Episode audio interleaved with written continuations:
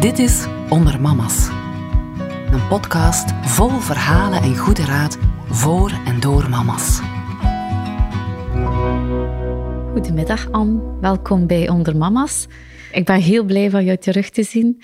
Uh, tien jaar geleden hebben we elkaar voor de eerste maal ontmoet. Mhm. En vandaag heb ik met jou een gesprek over echtscheiding, vechtscheiding. Een beetje een mhm. woordspeling. Mhm. Wil je geluk of wil je gelijk? Ja. Een kwinkslag naar een quote uit jouw boek Blend. Ja. En uh, Anne, ik zou graag hebben dat jij eens wat meer vertelt over jezelf. Wie ben jij? Ja. Ik ben Anne van Helsen. Ik ben inderdaad hier tien jaar geleden voor het eerst terechtgekomen, omdat dat eigenlijk ook meteen het eerste grote moment uit mijn leven was. Want dan ging ik voor de eerste maal mama worden. Dat betekent dus dat ik een dochter heb van intussen tien jaar, June. Ik ben niet meer samen met de papa van June, maar ik ben ehm, wel opnieuw gelukkig samen met Philippe. Uh, we zijn intussen ook getrouwd. Philippe die had al een zoon, die is intussen 21. En samen hebben wij een pittige dochter van vier, die Jackie Lou heet. Dus wij zijn uh, samen een gezin van vijf personen, dus twee volwassenen en drie kinderen. Ik werk vooral voor de radio, maar ik ben ook altijd bezig om te zoeken creatief van wat kan ik nog doen. Maar dat is altijd uh, vanuit de insteek van wie ben ik, wat zijn mijn ervaringen uit mijn leven en hoe kan ik door die te delen andere mensen helpen. Dat is altijd eigenlijk uh, de achterliggende gedachte en intentie bij mij. Dat is een mooie gedachte, want daarvoor zitten we hier ook samen om mhm. terug onze ervaringen te delen. Hè? Hoe kijk jij nu naar het nest waarin jij zelf bent opgegroeid, Anne? Eigenlijk, ja, ik ben opgegroeid in Mol, de Stille Kempen. En dat was Mol eigenlijk al een vrij grote gemeente, waar dat al van alles gebeurde wel. Maar um, ik ben opgegroeid in een gezin. Mijn mama was bediende, mijn papa was arbeider. Mijn mama is zeer jong mama geworden. Hè, dus dat was niet gepland, voor alle duidelijkheid. Maar eh, dat was wel zeker dat ze er ook voor gingen gaan. Mijn mama was in haar laatste middelbaar en stond er dus eigenlijk in juni met haar dikke buik om haar diploma op te halen. Ze was dus 18 toen mijn broer geboren werd, Tim. Twee jaar na de geboorte van mijn broer hebben mijn ouders beslist om nog voor een tweede kind te gaan. Dat ging niet over een leien dakje. Mijn moeder heeft ervoor verschillende hormonenbehandelingen moeten ondergaan, waardoor dat zij ook altijd heeft gezegd dat ik daarom heel veel in één ben. Omdat ze zegt van, uh, waarschijnlijk door, door die overdosis aan hormonen, dat uh, ons tweede pakket er anders was uitgekomen dan ons eerste pakket. Ja. En toen ik dan een jaar of negen à tien was, zijn mijn ouders uh, zelf uit elkaar gegaan. Dan zijn wij bij mijn vader blijven wonen, omdat uh, dat eigenlijk in een huis was van zijn ouders. Dus dat was eigenlijk puur iets praktisch. En um, dat was eigenlijk in een periode dat scheiden nog niet was zoals het de dag van vandaag is. Ik geloof op de lagere school waar ik toen zat, was ik samen met nog een ander meisje, waar wij eigenlijk de enige twee bij wie dat die situatie zo was. En dat was natuurlijk niet evident als opgroeiend meisje, die ook zocht naar haar identiteit en haar plaats in deze wereld, om dat dan zonder moeder, het is niet dat mijn mama er niet was, maar toch zo samen onder één dak. En dat was het niet. En dat heb ik dan toch wel echt gemist. Dus ja, het nest was wat gebroken voor jou dan? Het was inderdaad een gebroken nest, maar um, wel een nest waarin... Ja, mijn ouders hebben wel tien jaar, al van jonge leeftijd, wel alles gegeven. Heel veel opgeofferd om dat gezin toch te doen werken. Er was ook geen handleiding toen. Hè. Vandaag eigenlijk ook niet. Hè. Dat, zijn rauwe emoties waar je door moet gaan. Maar toen nog veel minder kon je rekenen op herkenning, erkenning, daarover kunnen praten, therapie. dat was een woord, dat was eigenlijk een, een, een, een eil vies woord. Dus in die zin weet ik wel, ze hebben altijd gehandeld hoe dat zij dachten op dat moment dat het best was voor hun kinderen. Maar ja, natuurlijk hebben zij, zoals iedereen, daarin ook fouten gemaakt. En um, ja, dat heb ik dan wel meegedragen. Door die scheiding van jouw ouders had jij dan als kind soms last van verlatingsangst? ik ben bij mijn papa blijven wonen en mijn mama is wel altijd een grote aanwezige in mijn leven gebleven. Dus we woonden niet meer onder één dak. Maar hm, ik denk dat ik een beetje daardoor last van allebei. Verlatings- en bindingsangst. Ze zeggen altijd dat is een een-eigen tweeling. Hè. Die gaan eigenlijk hand in hand. Dat heb je ook in liefdesrelaties. Bindingsangst, verlatingsangst, die wisselen elkaar soms af. Um, als kind was ik mij daar niet van bewust. Maar ik merkte wel in mijn volwassene relaties dat ik altijd zowel degene was die zich aanpaste aan de wensen van de ander om toch maar niet verlaten te worden. Dus ja, dat is denk ik dan wel verlatingsangst. Ja, je had dan eigenlijk toch al wel zo in de kiem iets daarvan ontwikkeld. hè? Het is natuurlijk zo dat uh, wat je meemaakt in je kindertijd, dat is eigenlijk, je, ze zeggen nu een blauwprint. Hè? Dus dat bepaalt een beetje hoe dat er later u gaat hechten in relaties. En ja, zo was dat ook in mijn eerste huwelijk. Um, ik ging nooit de handdoek zelf in de ring gegooid hebben. Hè. Dat was uh, door hetgene wat ik vroeger zelf als kind had meegemaakt, was dat echt wel het laatste wat op mijn agenda stond om ons kind in die positie te brengen als kind van gescheiden ouders. Maar wat gebeurt er dan in het leven? Hetgene waar je het meest bang voor bent, dat gebeurt. Hè. Een beetje self-fulfilling prophecy misschien ook. Ja. En dan denkt hij, ja, dat, uh, dat overleef ik niet, hè, want dat was het laatste punt op de agenda. Maar dan zie je van, ja, die grote angst die je daarvoor had, dat is ook niet helemaal terecht, want je slaat je daar ook weer door. Klopt. Dus zoveel jaren later dan, hè, leer je de man van je leven kennen. Mhm. Hoe oud was je toen?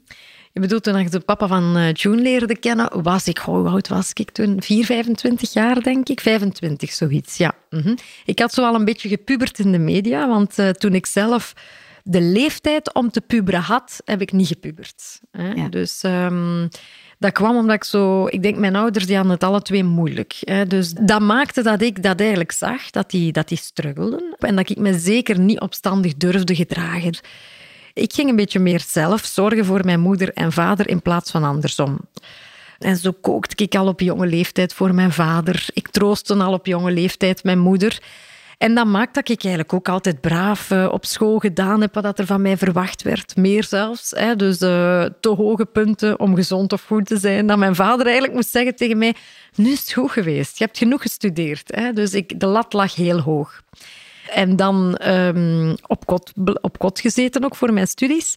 Wat heb je gestudeerd dan? Handelswetenschappen. Dus uh, dat was in Brussel. Um, en net in die periode, wanneer ik daaraan begonnen was, werd ik dan Miss België.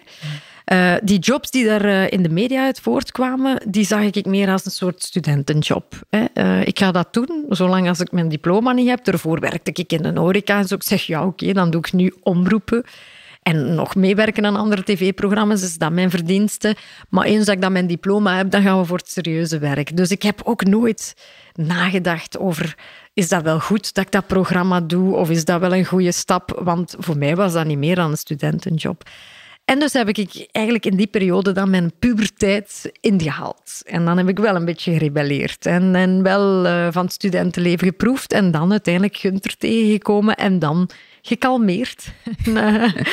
en uh, ja, voilà, op die manier. Um... En kenden jullie elkaar al lang? Nee. dat jullie een relatie hadden? Nee, wij kenden elkaar totaal niet. We hebben elkaar leren kennen op een avond in Brussel door een gemeenschappelijke vriend, die ons gewoon aan elkaar had voorgesteld. Hij had ook nog niet echt van mij gehoord. En ik had ook nog nooit van hem gehoord. Ik had wel al van zijn zus gehoord, Sandrine. Want die deed toen dat jaar mee aan Idol. Dus uh, we hebben elkaar daar leren kennen. En ik denk een paar weken later al waren wij, waren wij een koppel. En hadden wij een relatie. En dan is dat eigenlijk allemaal heel vanzelf gegaan. Zes maanden later gingen wij samenwonen. En ja, wij vonden, wij vonden echt een bepaalde rust bij elkaar. En zo'n gevoel van, oké, dit is het. Hier gaan we settelen uh, met elkaar. En... Um, we wisten wel al van, we willen kinderen, maar we wisten ook nu nog niet. Want zowel hij als ik hadden alle twee, zaten ook in fases in onze carrière dat het redelijk hard ging. Maar we wisten ook wel van, oké, ik wist toen, voor mijn dertigste wil ik mama worden. En dat is gelukt, hè? Dat is gelukt, ja. ik was 29, op de valreep, op de valreep. Hè, toen ik zwanger werd, ja. ja. Waren er gelijkenissen tussen uh, jullie nesten? Nee, totaal niet eigenlijk. Nee. Uh, Gunther is opgegroeid in een nest... Um, met altijd ja, broers en zussen rond hem, terwijl dat ik eigenlijk vrij alleen ben opgegroeid, want mijn broer die is al vrij snel bij mijn grootouders gaan inwonen. Praktisch, dat was dichter bij het school. Plus, zij hebben ook een gemengd gezin. Hè. Zijn mama um, is afkomstig van Congo. Hun papa is... Uh, een heel aantal jaren ouder. Die zijn pas op latere leeftijd ook ouders geworden. Hè, terwijl dat mijn ouders op heel jonge leeftijd uh, ouders zijn geworden. En hoewel dat zij ook in een gezin hebben geleefd waarin dat, zoals in alle gezinnen, de ups en downs waren, zijn die wel altijd samengebleven. Dus um, ja, in die zin, hij komt niet uit de gebroken nest, ik wel. En dat voelde je ook wel. Dus je kunt wel ergens begrip voor opbrengen, maar daarmee begrijpt het nog niet helemaal. Nee, nee dat klopt. Dus die ervaring die jij toen al had, hè, mhm. die had hij uiteindelijk niet. Hè? Nee. En hoe lang waren jullie samen toen die kinderwens dan echt heel concreet werd? Ik weet, um, wij zijn getrouwd in 2008, maar eigenlijk is de kinderwens daarvoor gekomen. Zijn we daar heel concreet over beginnen babbelen in 2007. Maar ik weet nog goed, we zijn eerst over kinderen beginnen praten. En omdat we over kinderen beginnen praten waren en omdat Gunther zoiets had van ja, maar wacht even, dan wil ik toch eerst trouwen. Terwijl dat dan voor mij eerlijk gezegd niet echt een must was. Uh, maar voilà, dus we zijn getrouwd in 2008. In juni 2009 was ik dan zwanger. Mhm. En uh, in maart 2010 is June geboren. Huisje, tuintje, boompje, mm -hmm. kindje. Ja. Was zoiets? Ja, het is echt dat. Just, hadden wij een hondje? Ja, het hondje was er ook. maar dat was meer op mijn vraag. ja. Op welk moment besefte je dan dat uh, deze bubbel, hè, dat is mm zo'n negentijds woord, van een happy family langzaam maar zeker aan het afkalven was? Oh, ik denk dat ik dat rationeel wel besefte. Dus mijn hoofd wist dat wel, maar mijn hart was daar niet klaar voor om dat toe te geven. Ik denk eigenlijk ook, uh, wij zijn uit elkaar gegaan in september 2012 en ik denk in die zomer daarvoor. Ik besefte wel van oké, hoe dat nu gaat, maar ik, ik praatte dat ook altijd goed. Je zit alle twee op het drukste punt in je leven. Je hebt, je hebt eh, die verantwoordelijkheid van, van een huis af te betalen en alles wat erbij hoort. Soms onzekerheid qua job, want ja, de media is onzeker, de voetbalwereld was onzeker. Dan pas een kind gekregen, waardoor dat ook alle dynamieken in huis veranderden. Dus ik benaderde dat eigenlijk zo. En ik wist dus wel dat wij niet in de meest positieve flow van onze bubbel zaten. Maar ik denk niet dat ik zoiets had van, ik, gooi, ik, ik ben klaar om, om, om de handdoek in de ring te gooien. Want uiteindelijk, hetgene wat wij meemaakten, als ik rond mij luisterde, was dat niet abnormaal. En, en hoorde dat er wat bij. Maar ja, je moet wel met twee zijn om het zo te bekijken natuurlijk. Hè. Dus je ontdekte wel wat signalen zo ergens ver. En dan dacht je, ja oké, ik leg dat wat bij de vriendinnen en ik laat dat dan een keer. Nee, eigenlijk niet, want ik sprak daar uh, Gunther destijds ook over aan. Van, uh, ik voel dat dat niet oké zit. We moeten zorgen dat we het niet te ver laten komen. Maar ja, ik denk dat dat op dat moment voor hem al... Ik, kan, ik ben nu wel aan het spreken voor hem natuurlijk. En ik weet dat niet, niet 100% zeker. Maar ik denk dat hij dat toen wel een beetje op zichzelf beslist had al. En in die zin ja, kwam ik te laat. Hè. Uh, dus, En dat voelde dan achteraf bekeken, voelde dat wel heel oneerlijk. Allee, het is dubbel, weet je. Ik, ik had nog uh, energie genoeg om, om, en liefde genoeg om verder te gaan. Maar je kunt iemand anders niet dwingen. En dus nee. moet ook zoeken naar manieren in je hoofd om je daarbij neer te leggen bij een beslissing die totaal niet in je handen ligt. En dat heb ik dan ook gedaan. Dus geprobeerd om het gewoon voor mezelf aanvaardbaar te maken. Hè. Dus, ja. Uh, ja. ja, en hoe ga je daar dan mee om? Hè? Als mama van mm -hmm. een kleine ja. peuter toen ah, wel, op dat moment. Hè? Hoe Inderdaad. ga je daar dan mee om? dat was niet gemakkelijk. Dat was een, achteraf bekeken een heel harde, maar ook een heel mooie periode. Heel dubbel, kan het niet anders zeggen. Voor dat punt van die scheiding... Goh, ik denk dat ik wegvluchtte in mijn werk. Ik werkte dag en nacht. Ik deed dagen van s morgens zes uur opstaan tot eh, s s'avonds thuiskomen om twaalf uur. Dan nog even een half uur je hoofd leegmaken door naar iets te kijken of een boek te lezen. Om drie uur s'nachts weende June dan. Ik heb ook nog lang borstvoeding gegeven. Allee, ik was een wrak fysiek ook echt puur. Emotioneel op een duur heeft dat ook een weerslag. En dan werd alles eigenlijk... Um, ja, ik kon alles stopzetten op dat moment. Ik had zoiets, nee, nu even niks meer. Niets meer, niks van werk. Ik zet alles stop en alle aandacht gaat nu even naar mezelf en naar mijn dochter. En uh, in die zin was dat eigenlijk wel op een bepaalde manier genieten. Want ik had precies zoiets nodig, zo'n beslissing van buitenaf om eigenlijk op pauze te duwen. Um, en dat heb ik dan ook gedaan, waardoor dat ik uh, heel intensief beginnen genieten met mijn dochter en heel hard ja, beginnen kijken naar die kleine momenten, samen naar de winkel gaan en daar tijd voor nemen, samen spelen, een, een, een toren bouwen, iets wat je daarvoor eigenlijk veel minder tijd voor neemt, omdat het, het leven doorraast uh, als een trein. Dus ja, het was heel dubbel, want ik had heel veel verdriet. Ik ben altijd een mama-mama geweest, maar ook een mama die wilde werken en zich heel verantwoordelijk voelde om dat gezin draaiende te houden. En ergens had ik zoiets nodig, denk ik, om terug tot de essentie te komen. Ja, en de aanloop zo naar eh, de effectieve scheiding. Mhm. Sorry, ik drink even, van mijn thee. Ja, ja, Als je gelijk, doe maar. dat is mijn lepeltje. uh En uh, hoe verliep dat dan aan? Goh, we zijn uit elkaar gegaan dan. Hè. Um, wij woonden in mijn huis, dus ja, het was logisch dat ik daar bleef, dat June daar ook bleef. Gunther die werkte toen uh, voor Anderlecht, dus die is daar op een appartement in de buurt van die club gaan wonen en die pendelde dan eigenlijk op en af om June te zien. Die werkte op dat moment ook in de weekends en zo, dus ja, door zijn werkomstandigheden was dat bijna logisch dat June... Ja, ik had even alles on hold gezet, dus ik was toen 100% er terug voor haar. En dan heeft dat denk ik nog een jaar of een jaar of twee geduurd, vooraleer dat we effectief bij de notaris en gescheiden zijn. Hè?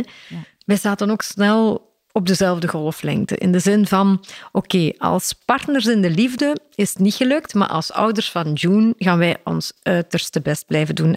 En dat was heel snel duidelijk van, oké, dat staat op de eerste plaats. En voor mij was dat ook heel belangrijk in de verwerking, denk ik, gezien mijn verlatingsangst, die ik wel al meedroeg van vroeger, van ik ben die persoon niet kwijt. Onze relatie heeft gewoon een andere invulling gekregen. Op dat moment ben ik dat ook heel anders kunnen gaan bekijken. En dat is dan ook zo'n tip dat ik meegeef aan mensen die uit elkaar gaan, die ook kinderen hebben. Oké, probeer de liefdesrelatie die je samen hebt los te koppelen van de ouderrelatie. Want die relatie stopt niet wanneer dat de liefdesrelatie stopt. En dat hebben wij heel snel wel gekund en daar hebben we heel snel geschakeld en, en heel volwassen met elkaar over alles kunnen blijven spreken. En dan werden wij eigenlijk op den duur gewoon vrienden of een soort van broer en zus ook van elkaar. Maar vooral ja, mama en papa van June die het beste willen voor hun kind. Waren er momenten dat er een vechtscheiding in de lucht hing, als ik jou hoor? Nee, omdat wij denk ik heel snel zoiets uh, gehad hebben van alles wat er gebeurd is tussen ons als volwassenen, in de zin van ja, op liefdesgebied of, of overspel of wat dan ook, dat telt niet meer. Wij zijn nu mama en papa van June. Dat is ons missie, dat is ons doel en dat moeten we zo goed mogelijk doen. En ja, natuurlijk, we zijn ook getrouwd zonder vermenging. En dan bedoel ik dat, waar maken mensen ruzie over? Ja, verblijf van de kinderen, week-weekregelingen of, of andere regelingen, maar ook financieel vaak. Hè. Nu, Gunther en ik zijn alle twee altijd onafhankelijk van elkaar geweest. Hè. Dus op dat gebied was er ook geen inmenging of vermenging. Dus dat, dat was allemaal duidelijk. Niemand had iets bij iemand te halen of verloren. Dus hmm. wij hadden eigenlijk op die vlakken ook weinig gronden om ruzie te maken. En wij hadden daarnaast, wat dat June betreft, heel snel zoiets van ons ego telt hier niet, het belang van ons dochter telt. Waren er punten uh, waar dat een van jullie toch zijn gelijk wou halen? Nee, ik heb heel hard wat ik als kind gevoeld heb, eigenlijk gebruikt om te zien van hoe moet ik het hier als volwassene doen? Hoe moet ik ervoor zorgen dat zij niet de pijn voelt die ik toen heb gevoeld? Om zoveel mogelijk, of om dat toch zoveel mogelijk te proberen te beperken. En bij Gunther was dat ook een soort van evidentie vanuit het nest dat hij kwam en de opvoeding die hij had gekregen om ook zo te denken en zo te handelen. Dus zijn ouders waren daarom niet uit elkaar gegaan, maar hij had ook wel dezelfde mindset daarin.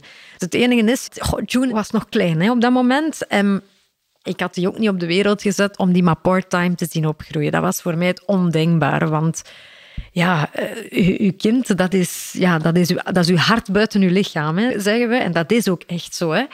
Dus ja, ik zou dat ook echt zo voelen als een week waarin mijn hart niet klopt. Maar goed, je doet dat dan op andere manieren kloppen. Als je ervoor staat, moet je er ook door. Hè. Maar ehm, ja, door het feit dat Gunther dan in een job zat waarin dat hij ook in de weekends werkte en zo, hadden wij ook daar eigenlijk een heel flexibele regeling. Maar was June vooral bij mij. En hij had ook zoiets van, ja, ik geloof ook niet in een part-time opvoeding. Hij zei ook van, ik denk dat ze één thuis moet hebben en ze is nog zo klein en die een thuis is waarschijnlijk het best bij de mama.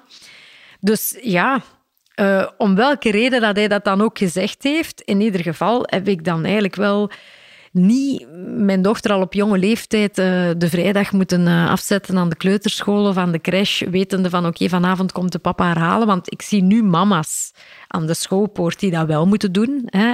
Um, en dat is, uh, ja, dat is heel moeilijk, hè? dat is heel pittig. Hè? Ja. Je moet daarmee omgaan, want ik vind ook, een kind heeft evenveel recht op beide ouders. Tuurlijk vond ik dat tof als moeder om mijn dochter zoveel bij mij te hebben, maar mocht Gunther op dat moment gezegd hebben van Nee, ik wil uh, kosten wat kost dat ze een week bij mij is. Ja, ook daar speelde mijn gevoel geen rol. Hè. Ik bedoel, het is belangrijk dat ze een band kan opbouwen met haar beide ouders. En ik heb dat ook altijd mijn uiterste best als mama voor gedaan, om al die gelegenheden te creëren om die band met haar papa te hebben. Los van het feit dat ze misschien elkaar fysiek niet altijd even verdeeld, dat ze elkaar zagen zoals dat ze evenveel als dat ze mij zag, maar de band is er wel. En dan het gesprek op de regelingen, financiële regelingen, eh, de kosten voor de dochter en zo verder. Mhm. Alles moet er toch wel wat erdoor gejaagd worden dan. Ja, je had al aangegeven dat het vrij vlot is gegaan. Is dat op alle vlakken dan vlot gegaan? Ja, eigenlijk wel. Ik ben ook een heel zelfstandige, een heel onafhankelijke. Dus ik zal altijd mijn plan trekken, zoals dat het uh, woord het zegt. Maar ook daar zijn, zijn Gunther en ik al twee heel redelijke personen die gewoon de feiten op tafel zeggen van, ah, kijk, dat is het. En zorgen wij ook financieel alle twee gelijkwaardig voor onze dochter. Dus uh, dat is voor mij een logische zaak geweest. Ik kan mij voorstellen als de situatie anders is. Allee, ik zie ook vrouwen of mannen die bijvoorbeeld ja, een, een heel duidelijk inkomensverschil hebben. Bijvoorbeeld. Ja, dan zijn dat andere verhalen. Hè. Dan komt er vaak wel een rechter bij te pas. Die moet gaan afwegen van wie kan in verhouding wat geven enzovoort. Maar ik ben altijd heel uh, feministisch ook aangelegd geweest. In de zin van het is niet omdat ik een vrouw ben dat ik de minderen of wat dan ook zou moeten zijn. Dus ook daar heb ik altijd mijn plan wel getrokken. Ja. Mhm.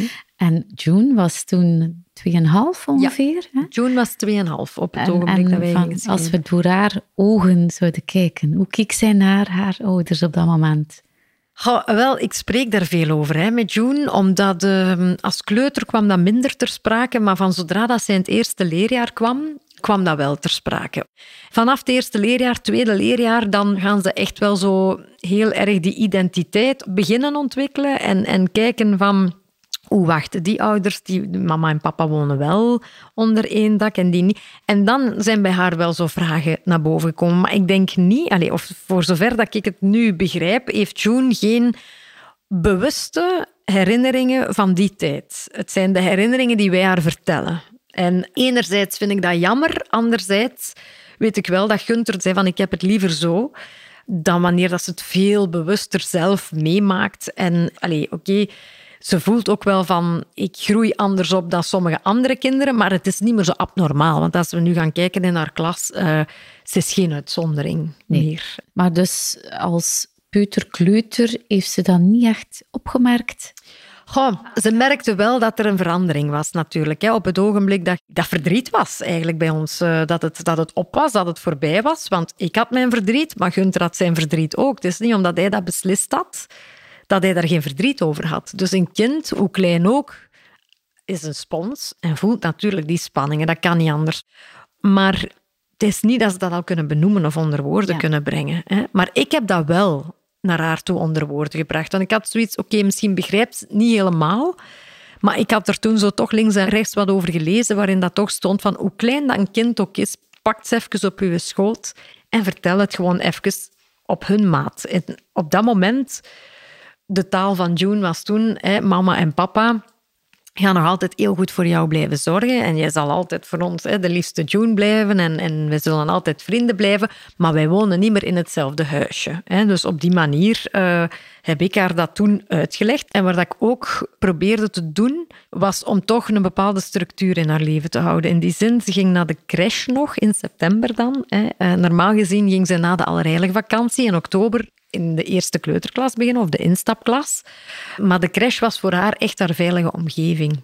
Dus ik zeg, oké, we gaan dat niet doen. We gaan nog een tijdje in die veilige kokon blijven, want het kan niet en op die plaats veranderen en op die plaats veranderen. Dat is te veel. ja, dus um, ja. dat hebben we wel toen bewust gekozen om dat een beetje uit te stellen, zodanig dat ze toch die kokon daar nog wel even kon bewaren. Je had toch wel een goed innerlijk kompas, hè, Anne?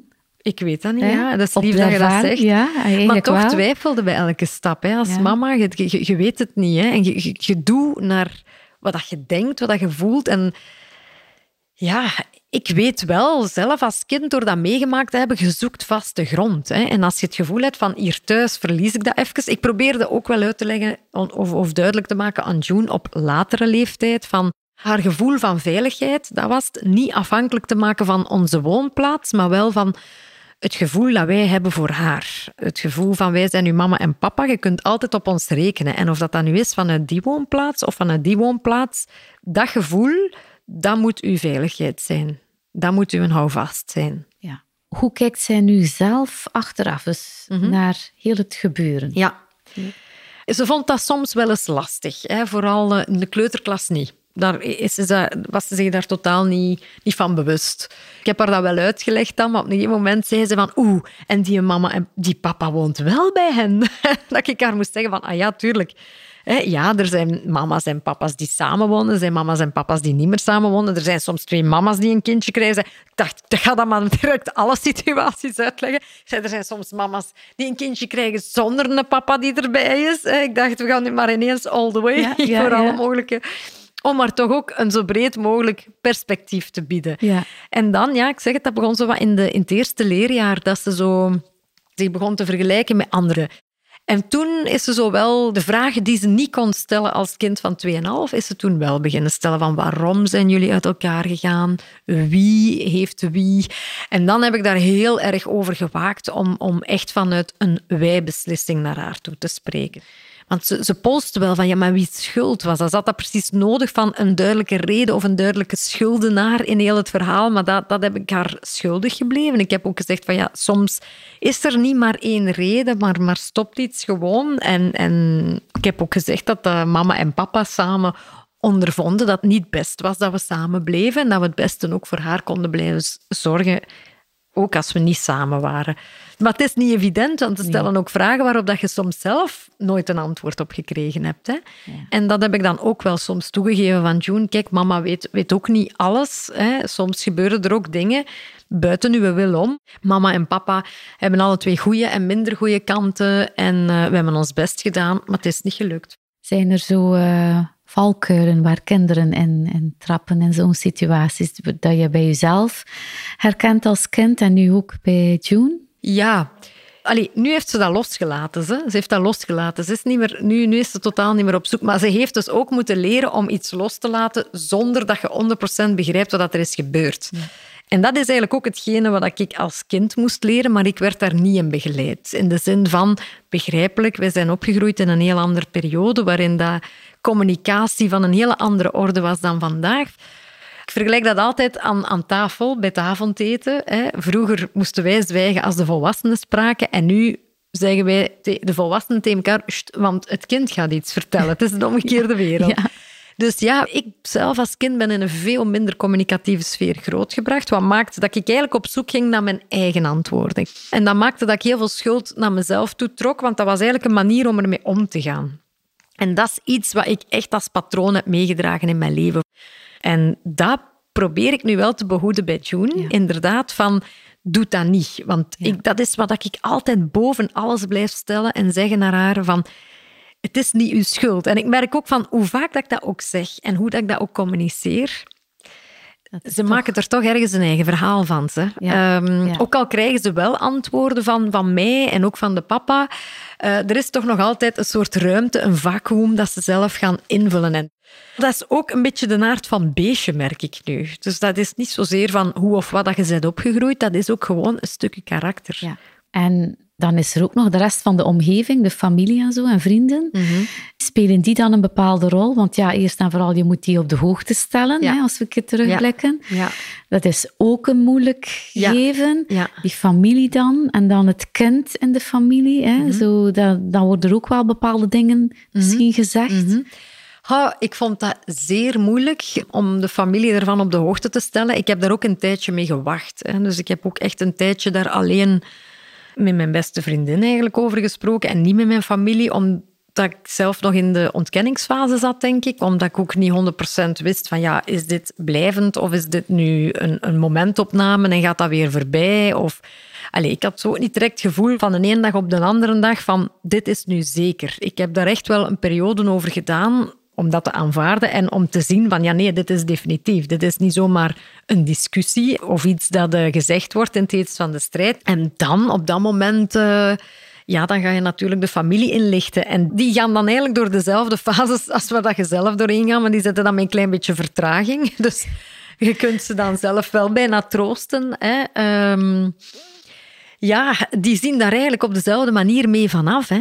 Die vinden het niet fijn als hun kind afziet. Die vinden het niet fijn als hun schoondochter afziet. Die hebben ook heel veel vraagtekens over wat er dan met de kleinkinderen gaat gebeuren. Maar ook daar probeer ik wel echt als mama mijn verantwoordelijkheid te nemen. En van, oké, het is niet omdat Gunther en ik als liefdespartners uit elkaar zijn dat wij zomaar mensen uh, die wij daar rond hebben leren kennen uit ons leven moeten gaan schrappen. Dat hebben wij ook nooit van elkaar verwacht. Uh, ik bedoel, wij zijn allemaal volwassenen onder elkaar. Allee, ik ben nog altijd de mama van June en ik mag dus een band blijven hebben met de oma en opa. En ik zorg er trouwens ook voor dat ze die ook ziet. Allee, ik draag er ook mijn steentje toe bij dat zij hun kleindochter kunnen zien. Dus... Um, dat is bij ons ook altijd heel open en heel transparant gebleven en heel volwassen eigenlijk. Was dat een diepste punt of een van de diepe punten op het moment dat je zo naar familie en vrienden mm. moet trekken? Nee, eh, dat was niet het diepste punt om dat tegen familie en vrienden uh, te zeggen. Want op een of andere manier waren die er ook minder van geschrokken dan ik zelf in eerste instantie. Dus zo zie je maar dat buitenstanders zo wel dingen kunnen aanvoelen, natuurlijk. hè. Ja. Het diepste punt bij mij was eigenlijk gewoon op het moment dat ik alleen thuis was. En dat was eigenlijk in het midden van de dag. Zij was toen op de crash, June. En zo, ja, na, ik kan er niet een aantal weken op plakken. Was dat nu na drie weken of na vier weken? Ik weet het niet. En dat ik gewoon naast haar bedje echt wel zo een beetje ingestort ben. Ik voelde mij schuldig, weer al maar eens, hè, dat, dat ik eigenlijk als mama er niet in geslaagd was om haar dat volwaardige, ideale gezin te gaan bieden. Dat was voor mij denk ik echt het diepste punt. Toen heb ik echt het gevoel gehad van nu lig ik op de bodem en the only way is up. Allee, die switch maakt me dan ook wel. Ik heb dan echt sorry geroepen eigenlijk. Terwijl dat niet kon horen, want ze was op de crash. Maar dat was eigenlijk meer voor mezelf een soort oefening. Ehm, maar toen heb ik mij ook op datzelfde moment bijna ook direct gedaan van oké, maar hoe dan ook, we gaan hier het beste van maken. Hè? Want dat blijf ik verschuldigd hè, als mama. Uh... Dus in het diepste van de put toch onmiddellijk zoeken naar eh, kracht of naar een no-no vast. Maar dat is altijd wel een sterkte van mij geweest. Hè? Dat was ook als kind, als mijn ouders uit elkaar gingen. Oké, ik kon zo wel verdriet hebben en ik kon diep zitten, maar ik kon mezelf ook terug ompraten in mijn hoofd. Ik kon ook echt terug zelf de switch gaan maken van ja, maar wacht eens even, stop, hè, tot, tot hier en niet verder. En te gaan kijken van wat kan er wel nog, wat is er wel nog. En niet altijd te blijven hangen in, in dat verdriet en zo. Dus daar ben ik redelijk altijd wel in geslaagd, vind ik. Ja. En dan ben je opeens uh, single mom. Hè? dat heeft wel niet zo lang geduurd, hè, Sonja. en, dan, hè, en dan zeg je, als ik naar de bakker ga, gaat iedereen dat van mijn hoofd lezen. Zo. Ja, dat etiket. Dat etiket. Ja, het ding is natuurlijk door het feit dat, dat ik bij bekende personen waren. Hè. Ik heb dat heel lang geprobeerd dat dat niet direct in de media kwam, omdat ik wou eerst zelf al een stapje verder zijn in mijn verwerkingsproces, alvorens dat dat naar buiten kwam. Hè. Om, om dat toch een beetje aan te kunnen van dat te zien in de boekjes en zo. Maar aan de andere kant... Wat ze toen ook schreven en deden, dat, was eigenlijk, dat deed er eigenlijk ook niet toe. Dat had niks te maken met mijn dagelijks leven op dat moment en hoe dat ik probeerde om gewoon voor mezelf te zorgen en onze dochter.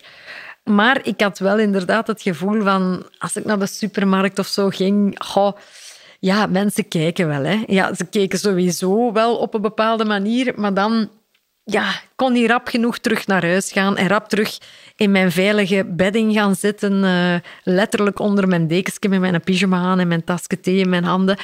Maar toch, ook dat leerde. En ook dat zie je van, goh, in mijn wereld is dat nu waar dat het om draait. Maar voor die mensen zijn een voorbijganger, waar dat ze twee minuten naar kijken en het is ook gepasseerd. En twee seconden later pakken ze de mayonaise uit de rek. Allee, ik bedoel, dus je relativeert dat ook. En je gaat er ook mee om. En ik wist ook, ja, dat is de keerzijde. Uiteindelijk, als je je geluk van de daken schreeuwt en... en ja, dan moet het er ook kunnen bijpakken dat het omgekeerd... Ik had dat natuurlijk niet verwacht op het moment dat ik het geluk van de daken schreeuwde, dat dat mij te wachten stond. Maar ik was daar ook wel bescheiden genoeg voor om te beseffen dat dat erbij hoorde en dat dat ook menselijk is van journalisten om daarover te schrijven en van mensen om dan een keer hun, kop te draaien. Allee, ik zou, ja, begreep dat wel. Werd die eenzaamheid daardoor niet nog dieper of benadrukt? Wel, het gekke is dat ik, ook al was ik alleen, hè, tussen aanhalingstekens, dat ik mij veel minder alleen voelde dan op sommige momenten dat er wel nog in een huwelijk zat. En dat kwam omdat je al die warmte voelde van vriendinnen die daar al was van Mechelen naar Wetteren kwamen gereden met een pot soep. Eenzaamheid of alleen zijn, dat zijn twee verschillende dingen. Ik was misschien wel alleen, maar ik voelde me zeker niet eenzaam.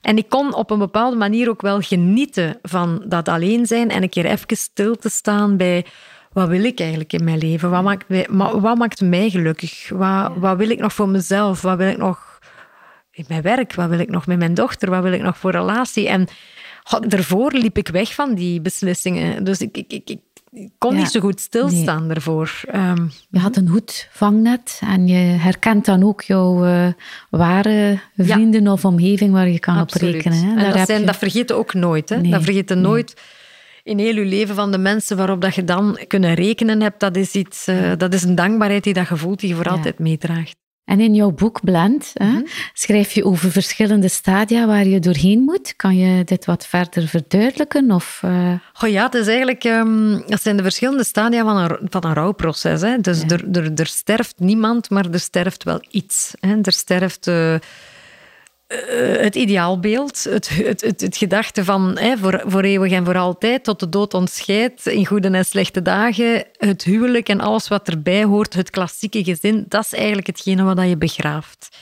En dat is eigenlijk hetgene waar je afscheid van moet nemen en dat is eigenlijk het nieuwe leven waar dat je moet aan wennen. Dus je ja, doorspartelt ook alle fases die bij een rouwproces uh, komen kijken, wanneer dat er effectief iemand overlijdt. Um, zijn vijf, stadia waarbij dat ik weet dat eerst... Uh, ja, de ontkenning. En dat is omdat dat eigenlijk... Er komt zo'n danige shock dat je dat niet gelooft. Maar dan komt toch stilletjes aan ja, dat besef van de realiteit dat binnendringt.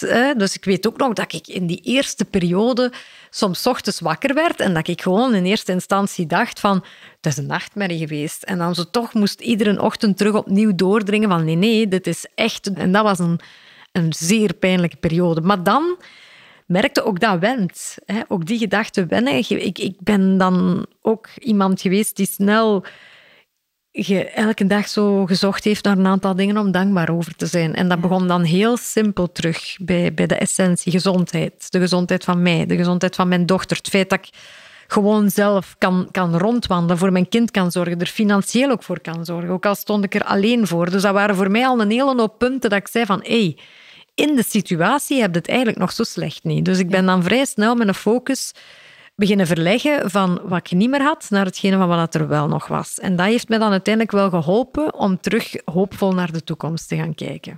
En dan nog eventjes over uh, de angst voor een tweede relatie. Mm -hmm. De andere partner die misschien ook met een nieuwe vriendin, hè? jij met een mm -hmm. nieuwe vriend. Mm -hmm. Dus er zijn toch wel weer wat nieuwe zaken die in je leven uh, ja plaatsgrijpen? Ja, je weet in, in, in, in eerste instantie, wanneer dat je net uit elkaar bent, dan uh, roept de ene roept ik wil, ik wil zo vlug mogelijk iemand anders, de andere roept ik moet nooit nog iemand hebben. En ze zeggen eigenlijk alle twee dingen die, die heel onrealistisch zijn.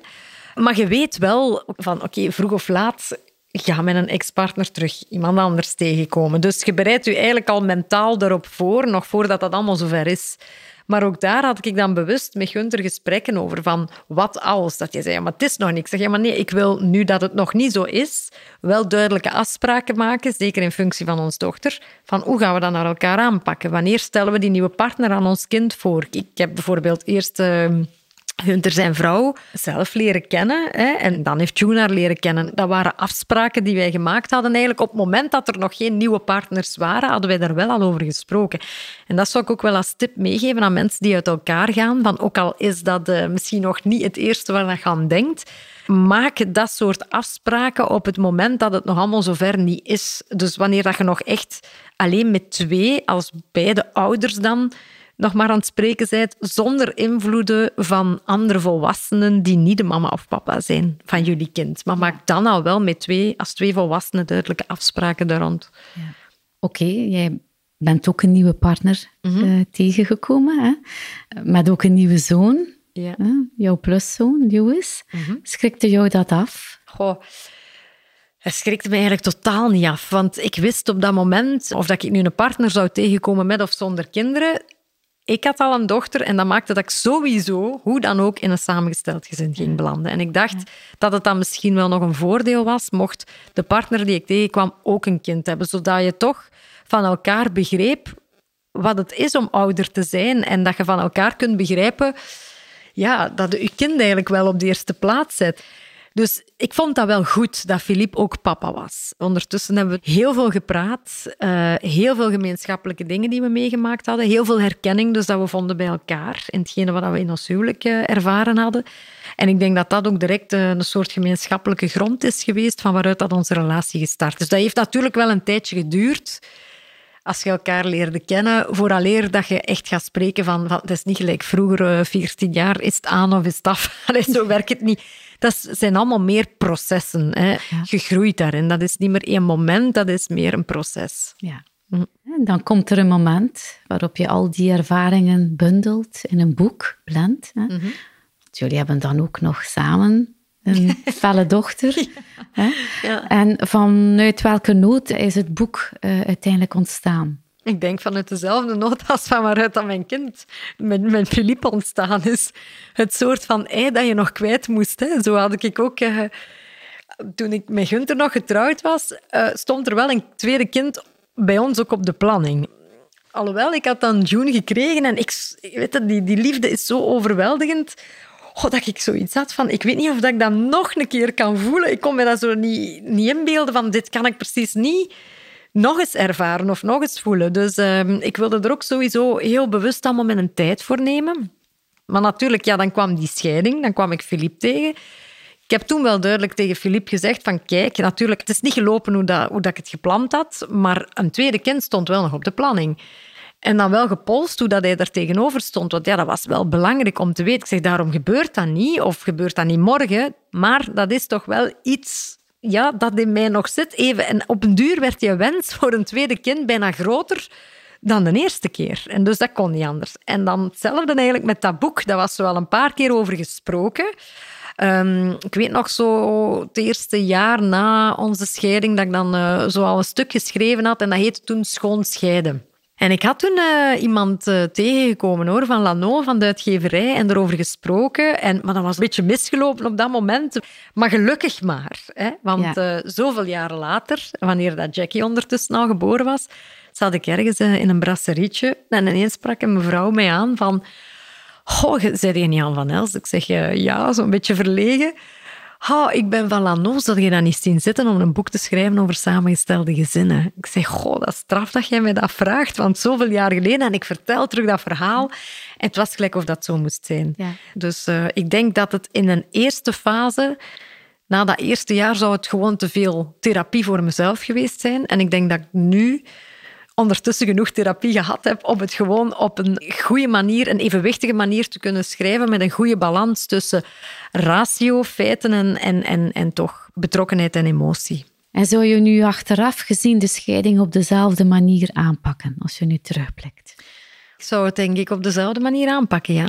Ik ben daar eigenlijk wel fier op hoe dat wij dat als ouders gedaan hebben. En Filip ook als pluspapa. En... Uh, ja, en de nieuwe partners en de kinderen die erbij gekomen zijn. Ik denk, uh, het enige waar dat ik uh, meer nog heb moeten leren, uh, dat was als plusmama. Ja. omdat toen als, ja, in, in eerste instantie, Filip en ik, je zit al verliefd en oh, je hebt alle twee die vurige wens om terug een gezin te vormen.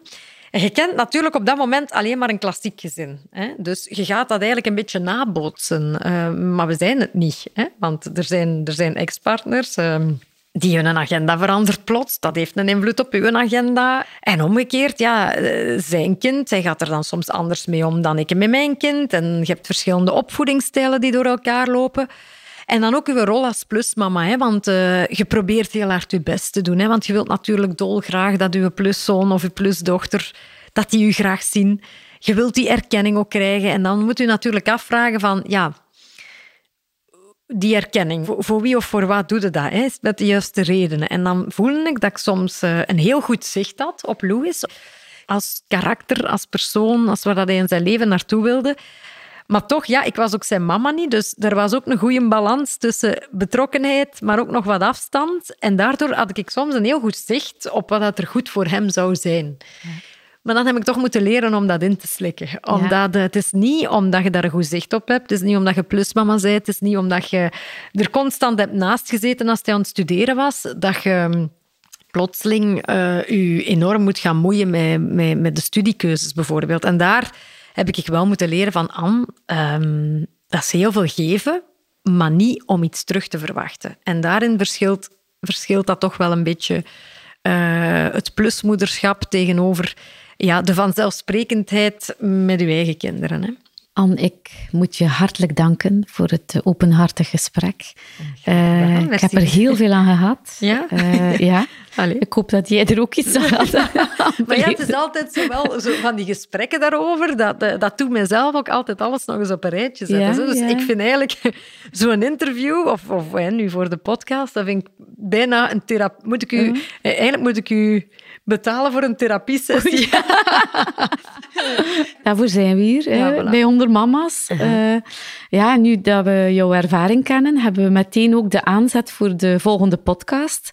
En uh, daar verzamelen we de reacties van okay. onze luisteraars. Okay. En we bespreken die dan samen. Okay. Dus ik verwacht jou nog een keer op de koffie. Zeer graag. Ja. dus uh, lieve luisteraar, uh, stel jezelf eens voor aan ons.